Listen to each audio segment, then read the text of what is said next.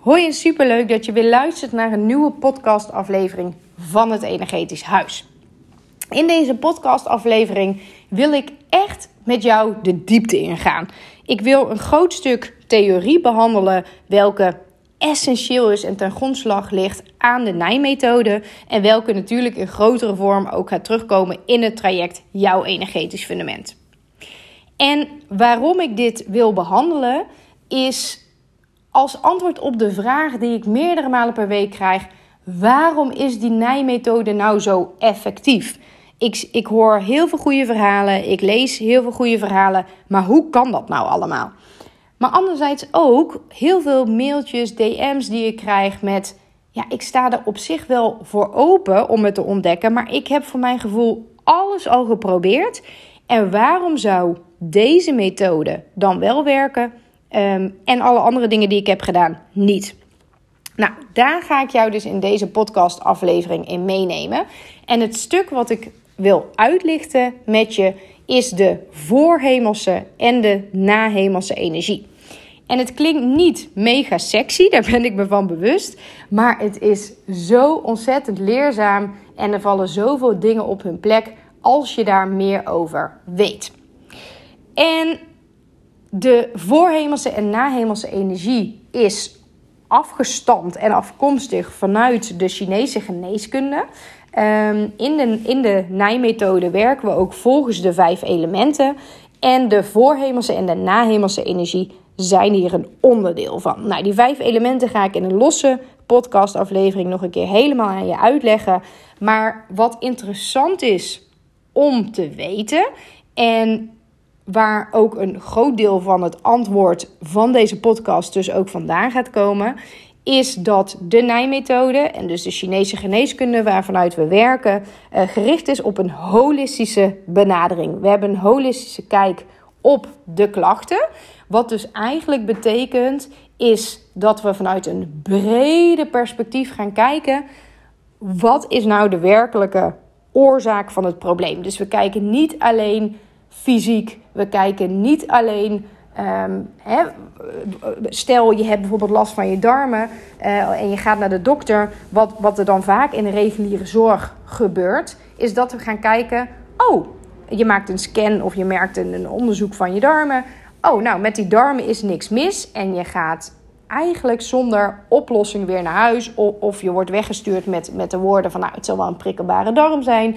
Uh, vermijd maar even brood of pas maar even dit aan. Um, maar dat is dus een hele... ja, uh, klachtgerichte aanpak. Dus in plaats van dat we hun breder gaan kijken van... waar is die klacht nou in de basis ontstaan wat we dus vanuit die Chinese geneeskunde doen, kijken vanuit de reguliere geneeskunde veel meer vanuit symptoombestrijding. We hebben een symptoom, nou in dit geval de darmen waar je last van hebt, en we willen zo snel mogelijk van dat darmprobleem af. En dat is in mijn optiek een beperkte kijk voor het oplossen van je problemen. Want op het moment dat je weet, ja, maar wat is nou de reden voor het ontstaan van deze problemen? En dat pak je in de kern aan, wat we dus doen met de nijmethode.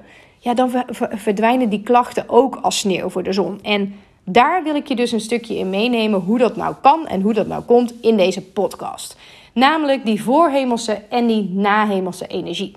En hoe je dat kunt voorstellen, is dat wij als mens, dus als, als ja, ieder van ons een emmertje hebben. Een bepaald uh, emmertje wat gevuld is met energie. Dat is jouw levensenergie. Dus ieder van ons heeft zo'n emmertje in ons systeem zitten waar jij uit kunt putten. En dat emmertje is gevuld met twee lagen. Allereerst de voorhemelse energie. En dat kan een dunne laag zijn, dat kan een dikke laag zijn. En vervolgens is die ook nog gevuld met nahemelse energie. Nou, laat ik beginnen met die laatste. Dus, dus hè, het kan zijn dat je emmertje best wel heel vol zit uh, uh, met een combinatie van voorhemelse energie en nahemelse energie. Of dat die twee bij elkaar opgeteld gewoon best wel laag zijn. Nou, op het moment dat jouw emmertje wat uh, minder gevuld is, heb je dus minder energie om uit te putten. En waar dan in de westerse wereld vaak de fout wordt gemaakt, omdat we gewoon niet beter weten of te weinig kennis hebben, is dat we dan heel erg gaan sleutelen aan die nahemelse energie. Terwijl daar niet altijd het probleem zit. Maar goed, daar kom ik later op terug. Laat ik beginnen met wat die nahemelse energie is. De nahemelse energie is de energie die jij na jouw geboorte tot je neemt. Dus alles wat jij na je geboorte tot je neemt om energie uit te putten. En dat is dus eten, drinken en zuurstof. Dus wat voor eten neem jij tot je? Hoe gezond is dat? Uh, hoe optimaal kan je lichaam dat verwerken? Maar ook, hè, wat, neem jij genoeg uh, vocht tot je? Uh, waar bestaat dat vocht uit? Zit daar veel suiker in of niet? En als laatste zuurstof. Dus um, um, neem jij genoeg zuurstof tot je? Maar in alle drie de gevallen, of het nu gaat om eten, drinken en zuurstof, is het dus ook belangrijk om te kijken, niet alleen naar eet jij de juiste drinken, uh, dingen, sorry, eet jij de juiste dingen, drink jij de juiste dingen, maar ook kan dat lichaam dat goed verwerken. Um, want jouw lichaam ons, ons bestaat uit, uit nou ja, een soort van wegennetwerk aan organen, meridianen, chakra's. En dat, dat kun je zien als een wegennetwerk, vergelijken met het wegennetwerk van Nederland, waar alles doorheen moet stromen. En, en eigenlijk zijn weg van A naar B mag vinden. En wat je dus niet wilt, is dat er opstoppingen ontstaan of, of files ontstaan. Want op een moment, uh, nou ja, dat een bepaald orgaan niet goed werkt uh, of verzwakt is, ja, dan vindt er ook minder doorstroming plaats. Nou, Stel, laten we er even van uitgaan dat jij de juiste dingen eet en drinkt. En dat, dat, ik besef me dat dat een, een redelijk breed begrip is, want de meningen zijn er ook weer over verdeeld wat dan de juiste dingen zijn. Maar laat ik daar even verder niet op uitweiden in deze podcast. Maar laten we ervan uitgaan, jij eet en drinkt de juiste dingen en jij hebt voldoende zuurstof tot je beschikking. Dan is het dus ook nog heel interessant om te kijken zijn alle organen in jouw lichaam goed in staat om die voedingsmiddelen te verwerken in jouw systeem. Want bijvoorbeeld jouw maag en jouw milt gaan over het goed kunnen verwerken, het goed kunnen verteren van alles wat je tot je neemt. En op het moment dat jij mij al langer volgt of luistert naar deze podcast, dan weet jij dat op het moment dat jij dingen met jouw dingen, emoties, situaties bedoel ik daarmee, met jouw rechter hersenhelft tot je neemt, dus daar voel jij dingen bij. En op het moment dat jij die met jouw linker hersenhelft niet goed kan plaatsen, dat je denkt, huh, ik begrijp dit niet, ik voel van alles, maar het is of te groot of die hersenhelften werken niet goed samen, um, dan denkt dat systeem, ik, ik vind het ingewikkeld, ik begrijp dat niet. En dan gaat die emotie of die gebeurtenis niet verwerkt kunnen worden. En wat er dan gebeurt, is die emotie die zet zich vast in jouw systeem, in het celgeheugen van een orgaan, om precies te zijn. en dat is dus de reden, wat heb je op je leven, je galspuwen, het steen op je maag, dat soort dingen. Dus stel, jij kunt iets niet verteren. Um, een bepaalde gebeurtenis, een bepaalde opmerking, een bepaalde nou, steek die iemand jou gegeven heeft. Nou, jij kunt dat niet verteren. Het, de organen waarover ik net al sprak, um, die daarmee eh, van dienst zijn of die daar, daarmee werken, zijn dus de maag en de mild. Dus dan kan het best wel zijn dat een, een emotie van niet kunnen verteren wordt vastgezet op de maag, bijvoorbeeld. En dan zet dat zich daar dus vast. Nou, dat is op zich helemaal niet erg. Maar stel jij. Sorry hoor, de koffiemachine op de achtergrond. Die gaat uit. Um, maar stel jij hebt te veel emoties van de maag vastgezet in jouw systeem. Dan kan dat maagorgaan gaan verzwakken. Omdat daar um, nou ja, te veel last op drukt. Dus dat drukt in dat celgeheugen. En zoals ik dat eigenlijk voor me zie, is als jij een, een cirkeltje hebt. Hè, dus laten we even een cirkeltje tekenen. En dat cirkeltje is jouw cel.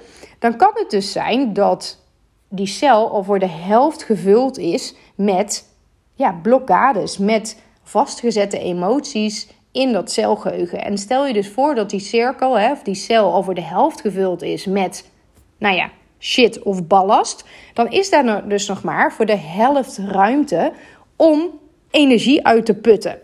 Dus die cel werkt eigenlijk nog maar voor de helft. Nou, dit is natuurlijk een voorbeeld. Die cel kan minder gevuld zijn, die cel kan meer gevuld zijn. En dit is mijn beeld hoe ik hier naar kijk. Hè. Maar stel je voor dat jij dus de hele dag goede dingen eet.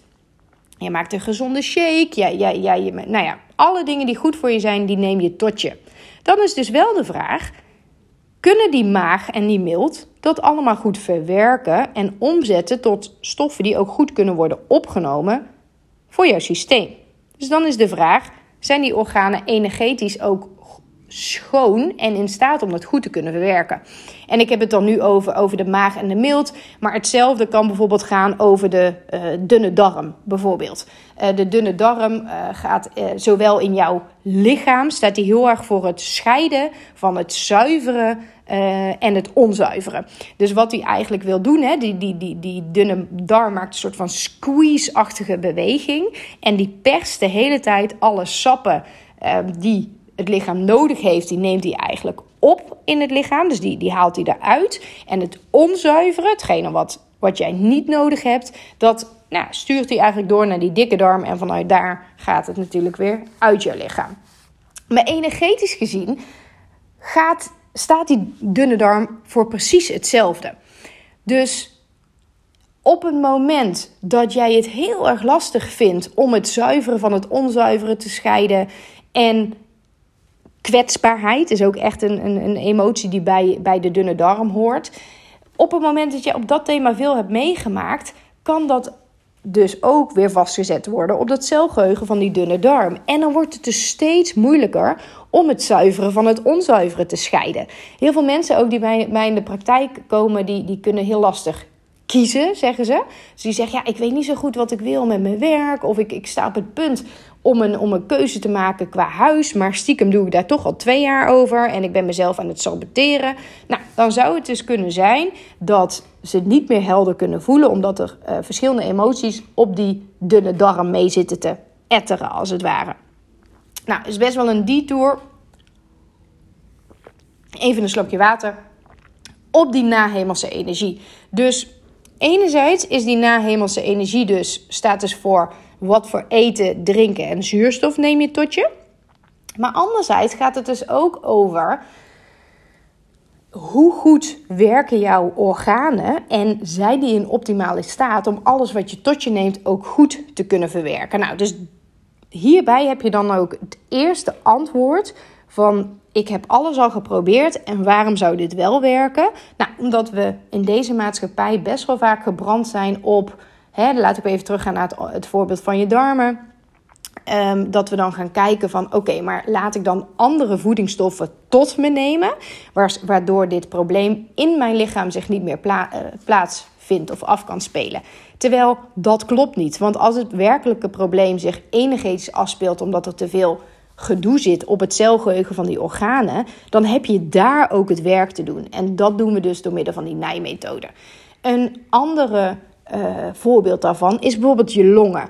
Kortademigheid, uh, um, astma, dat soort dingen die voor kunnen komen in, ja, in jouw lijf. Dus dat je gewoon minder, last, minder ademruimte hebt. Dat kan dus mensen denken van, oh, maar dat, dat is gewoon zo. Dat, dat zit gewoon vast in mijn longen. Maar het kan dus ook zo zijn dat daar energetisch al heel veel drukt op die longen. Uh, je longen staan voor onverwerkt verdriet.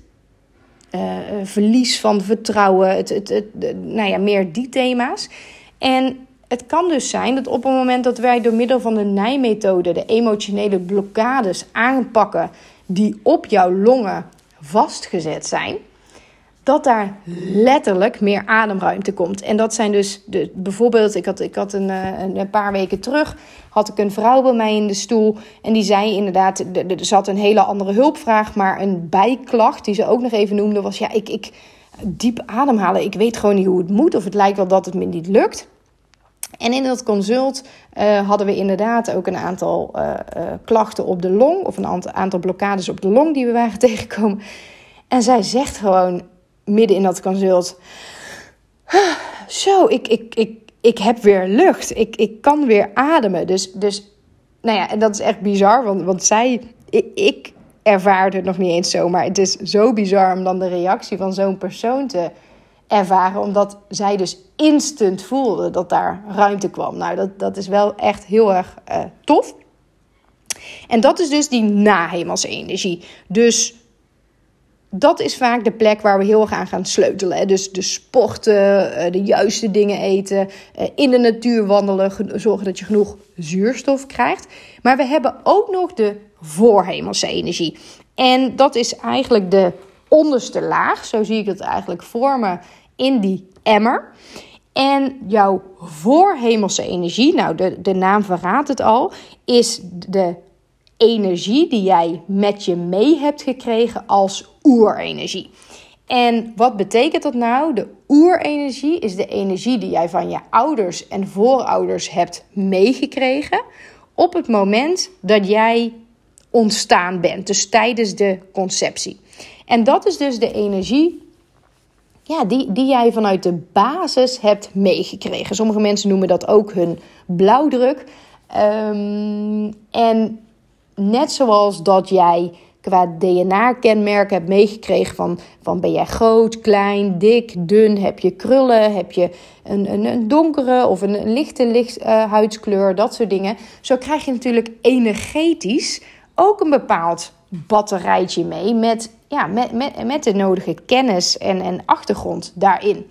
En ik heb dit in eerdere podcasts ook al wel eens genoemd. Dat gemiddeld hebben wij tot acht generaties terug aan erfelijke belasting in ons systeem zitten. Nou, wat bedoel ik daarmee? Op het moment dat, nou, ik zelf bijvoorbeeld als moeder, ik voel bepaalde dingen die ik niet kan verwerken, die zet ik dus vast in mijn systeem. En op het moment dat ik die in mijn eigen leven niet opruim, dan kan ik die dus doorgeven aan mijn kinderen energetisch. En dat kan dus ook nog na je geboorte zijn. Hè? Dus op het moment dat ik nu iets meemaak en dat verwerk ik niet goed, alles is energie, dus dat kan ik alsnog doorgeven aan mijn kinderen. En dat is dus super interessant, hè? dit stuk, die voorhemelse energie. Want in die zin, zeker als kind, laat ik het even vanuit het kindperspectief zien.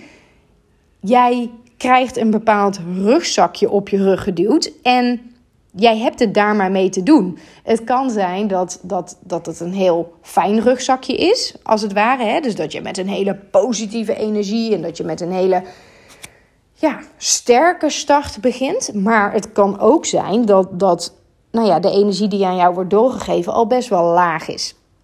Dus als kind, ja, heb, heb je het er maar mee te doen, om het zo maar te zeggen. Maar als ouders, of vooral als jij een uh, persoon bent of een mens bent en jij wil je gaan voortplanten, om het even heel plat te zeggen, dan is dat wel super interessant om naar te kijken. En om te kijken van oké, maar wat kan ik hier nu aan doen, zodat ik ja, een optimale energie doorgeef, als het ware.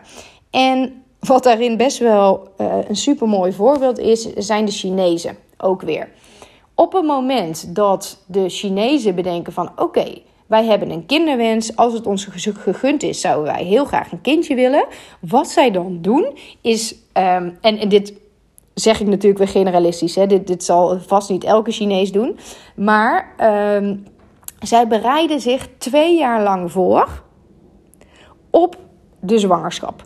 Dus zij gaan uh, uh, op, uh, fit worden. Zij gaan op hun voeding letten. Zij gaan nou ja, zich optimaal voorbereiden. En dan bedoel ik dus ook weer niet alleen met die nahemelsenergie, maar ook energetisch gaan zij het lichaam sterk maken. Ja, om, om het kindje wat daar mogelijk uit ontstaat, de meest optimale start te geven.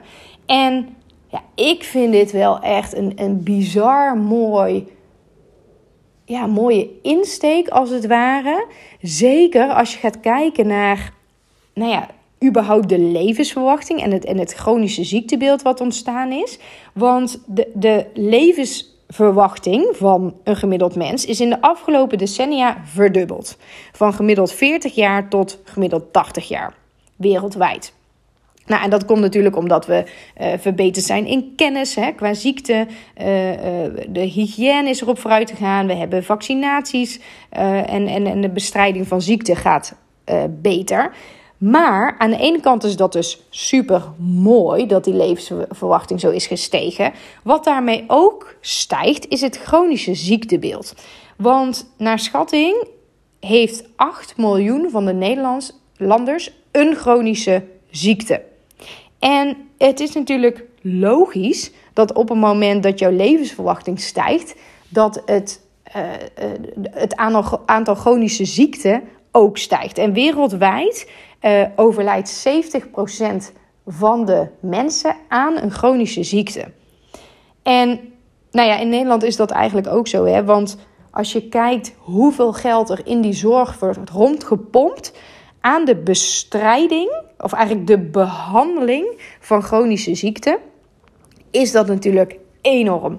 En het gaat veel meer over het behandelen van de chronische ziekte, dan dat de focus gaat naar de genezing hiervan. En dat is op zich ook wel logisch.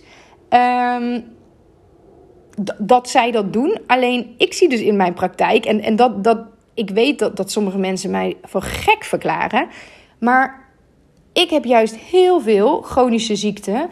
Um, nou, genezen of verminderd qua ziektebeeld.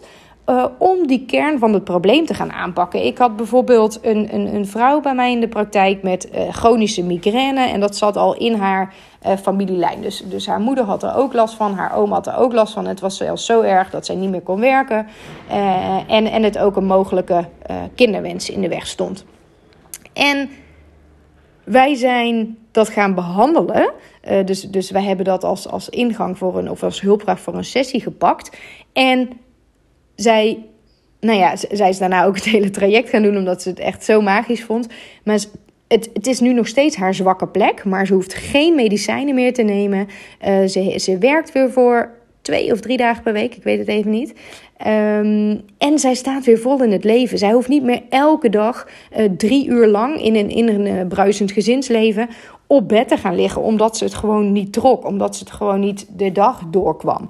En ja, wat dat betreft vind ik het zo'n ondergeschoven kindje dat we een soort van accepteren dat, dat chronische klachten er zijn. Want als ik kijk wat ik al aan verbetering heb kunnen brengen um, uh, bij longziektes, hè, maar ook, ook zo'n chronische migraine met schildklierproblemen, ook een hele mooie trouwens. Uh, bedenk ik me nu. Uh, iemand die bij mij in het traject zit, die had twee jaar geleden een schildklieraandoening gekregen. Um, tijdens dat zij, uh, nou ja, dat ze eigenlijk richting een, een, burn-out uh, ging. En in het ziekenhuis uh, schreef zij allerlei medicijnen voor. En zij zat in het traject en zij heeft zelf besloten: ja, ik, ik heb het nooit gehad. Ik heb het nu wel. Dus ik moet er ook weer vanaf kunnen komen. En zij is dus heel gedegen. In dat traject stap voor stap die medicijnen gaan afbouwen. En gelijktijdig haar emotionele blokkades gaan aanpakken. En het mooie is dat zij, um, nou ja, eerst was ze van, van de medicijnen af. Uh, ervaarde ze ook geen klachten meer. Maar bij die checks in het ziekenhuis bleken haar waarden toch nog niet goed. Maar zij zegt, ja, maar die waarden lopen altijd een paar weken achter op hoe ik me voel. Dus ik zet door. En vervolgens is zij dus uh, dat blijven doen. Dus zij, zij is uh, zich blijven ondersteunen met de Nijmethode. En zij is, heeft nog steeds geen medicijnen genomen. En bij die check daarna, inderdaad, waren haar waardes weer oké. En hebben de artsen letterlijk gezegd: ja, wij staan hier voor een raadsel. Wij snappen hier niks van. En ja, dat vind ik wel gewoon super tof dat zij zo vol vertrouwen dat dat proces is aangegaan. En inderdaad, um, en, en belangrijk is hierbij wel, want als zij zelf zou twijfelen of iets dergelijks, ik druk dit soort dingen er nooit doorheen. Uh, want het gaat ook heel erg om ja, heb je daar vertrouwen in? Voel je je daar goed bij natuurlijk? Maar voor vrijwel alle chronische aandoeningen, dus uh, hart- en vaatziektes, diabetes, uh, depressie, longziekte, ehm, bestaat gewoon overtuigend bewijs dat ze voor een belangrijk gedeelte hun oorsprong hebben in jouw vroege leven of zelfs al daarvoor. Dus hoe mooi is het om, of als je een chronische aandoening hebt, om te kijken: hey, kunnen we daar nog iets in herstellen of genezen? Maar anders, stel dat dat niet lukt. Laten we daar even het meest pessimistische van uitgaan. Hoe fijn is het dan dat, dat we wel de, de ketting kunnen doorbreken naar de volgende generatie, zodat je daar geen last meer van hebt? En nou ja, die combinatie van de voorhemelse. Ik doe ondertussen heel even de schuifdeur dicht, want we gaan mensen hier klussen op de maandagochtend. Maar die combinatie dus van die voorhemelse energie en die nahemelse energie ehm, is dus goud. En, en dat is dus waar de effectiviteit van de nijmethode ehm, zich in vindt, of, of waar de oorsprong ligt, naar mijn mening, is dat er te vaak uh, te bekrompen gekeken wordt naar een klacht. En dat we een veel breder mogen gaan kijken. Uh, dus niet alleen hè, fysiek van, van wat zijn je klachten, maar ook uh, emotioneel, energetisch, mentaal, spiritueel. Wat zit daar nou onder? Voor emotionele blokkades bijvoorbeeld waardoor het maakt dat het niet goed doorstroomt. Nou, en het is nu even een stukje gegaan over chronische ziekte, maar uh, burn-out precies hetzelfde.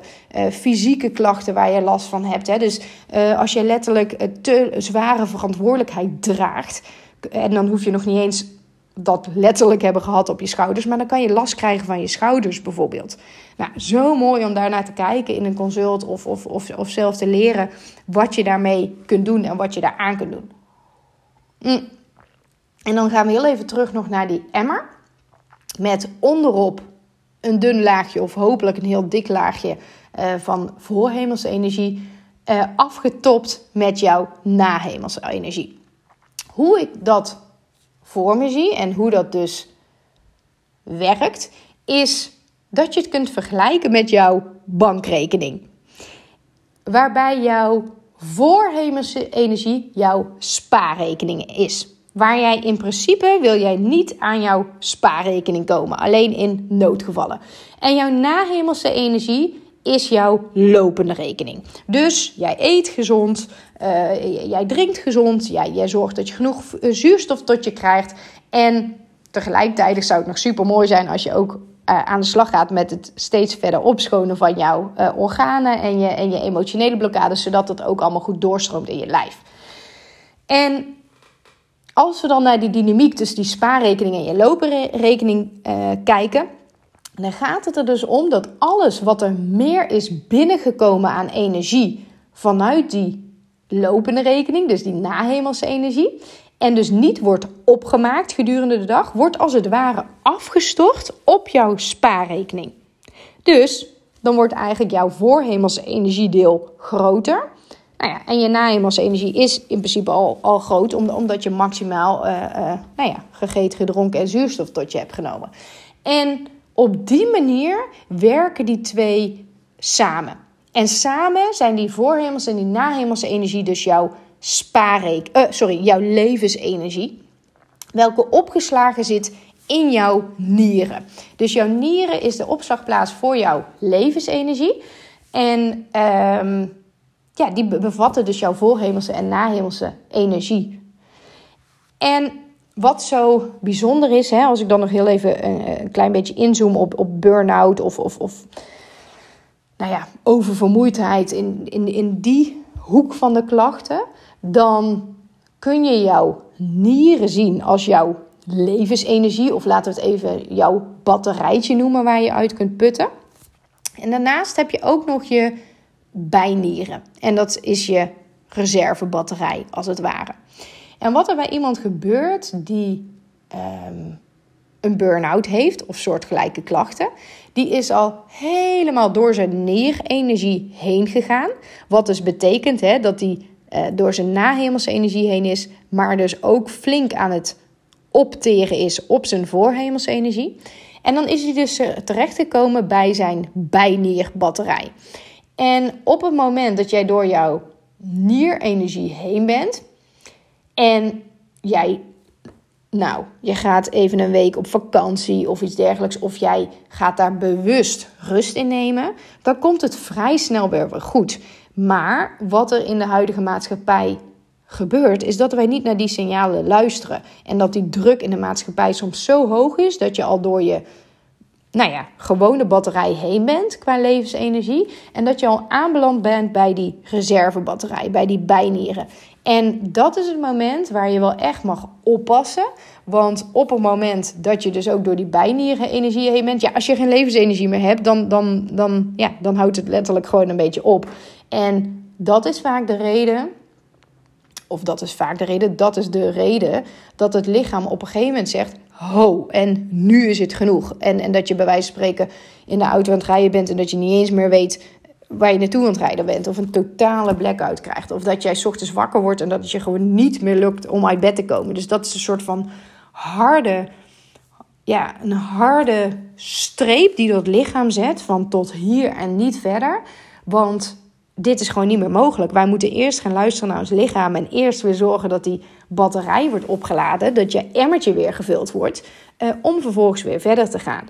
En ja, wat, wat ik nog te vaak zie, helaas, ik, ik begrijp het ook, maar ik vind het wel jammer, is dat mensen bij mij terechtkomen, of het nou is voor een consult of voor, voor, voor het traject, die al in die reservebatterij zitten. Of die al dusdanige fysieke, emotionele of hè, chronische ziektebeelden hebben. Dat ik denk, ja shit, had nou...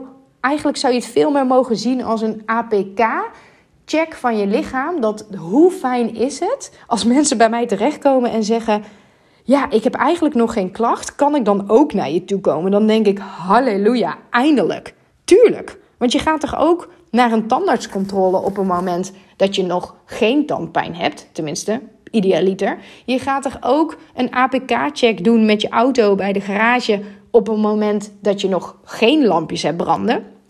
En het suffe is dat op het moment dat er dan één lampje gaat branden in je auto, dan bel je gelijk de garage en dan zeg je: Mag ik vandaag nog langskomen? Want er brandt één lampje in mijn auto en ik wil niet dat het erger wordt. En wat doen wij met ons lichaam? Wij gaan het dermate uitputten en alle signalen negeren totdat het echt niet anders kan. En dus als het om onze auto betreft, wat, misschien geld kost, dan, dan vinden we dat het wel waard. En als het om onszelf, het allerbelangrijkste wat, nou ja, wat er volgens mij is in je leven, is dat, is dat jij zelf sterk blijft staan.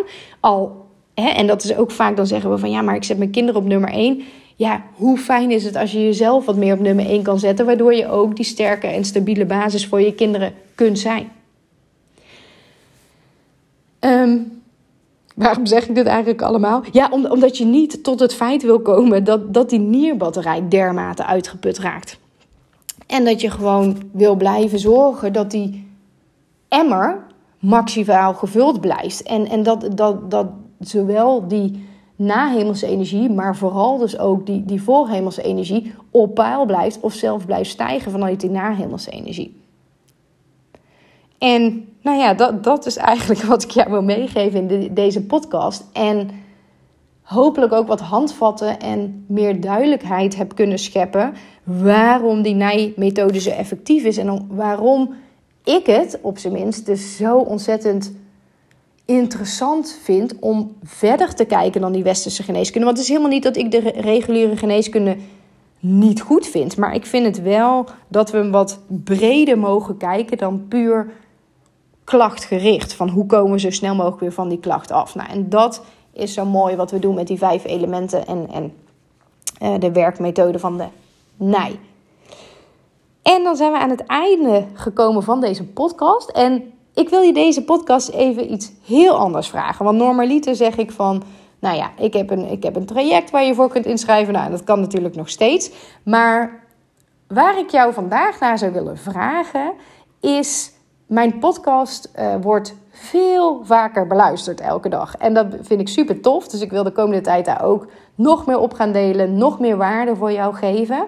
En als bedankje daarvoor terug, hopelijk zou ik jou dus willen vragen om ehm, mijn show te beoordelen. Dus om, uh, een aantal sterren te geven uh, in de podcast. Waardoor nou ja, mijn, mijn bereik van mijn podcast uh, wordt verhoogd en ik eigenlijk nog meer mensen kan helpen uh, om die energetische olievlek verder te verspreiden. En hoe je dat doet, want heel veel mensen weten niet hoe je dat doet. Het is een hele kleine moeite. Ik denk echt dat je in, in, in, in 30 seconden uh, klaar bent, zei je niet minder.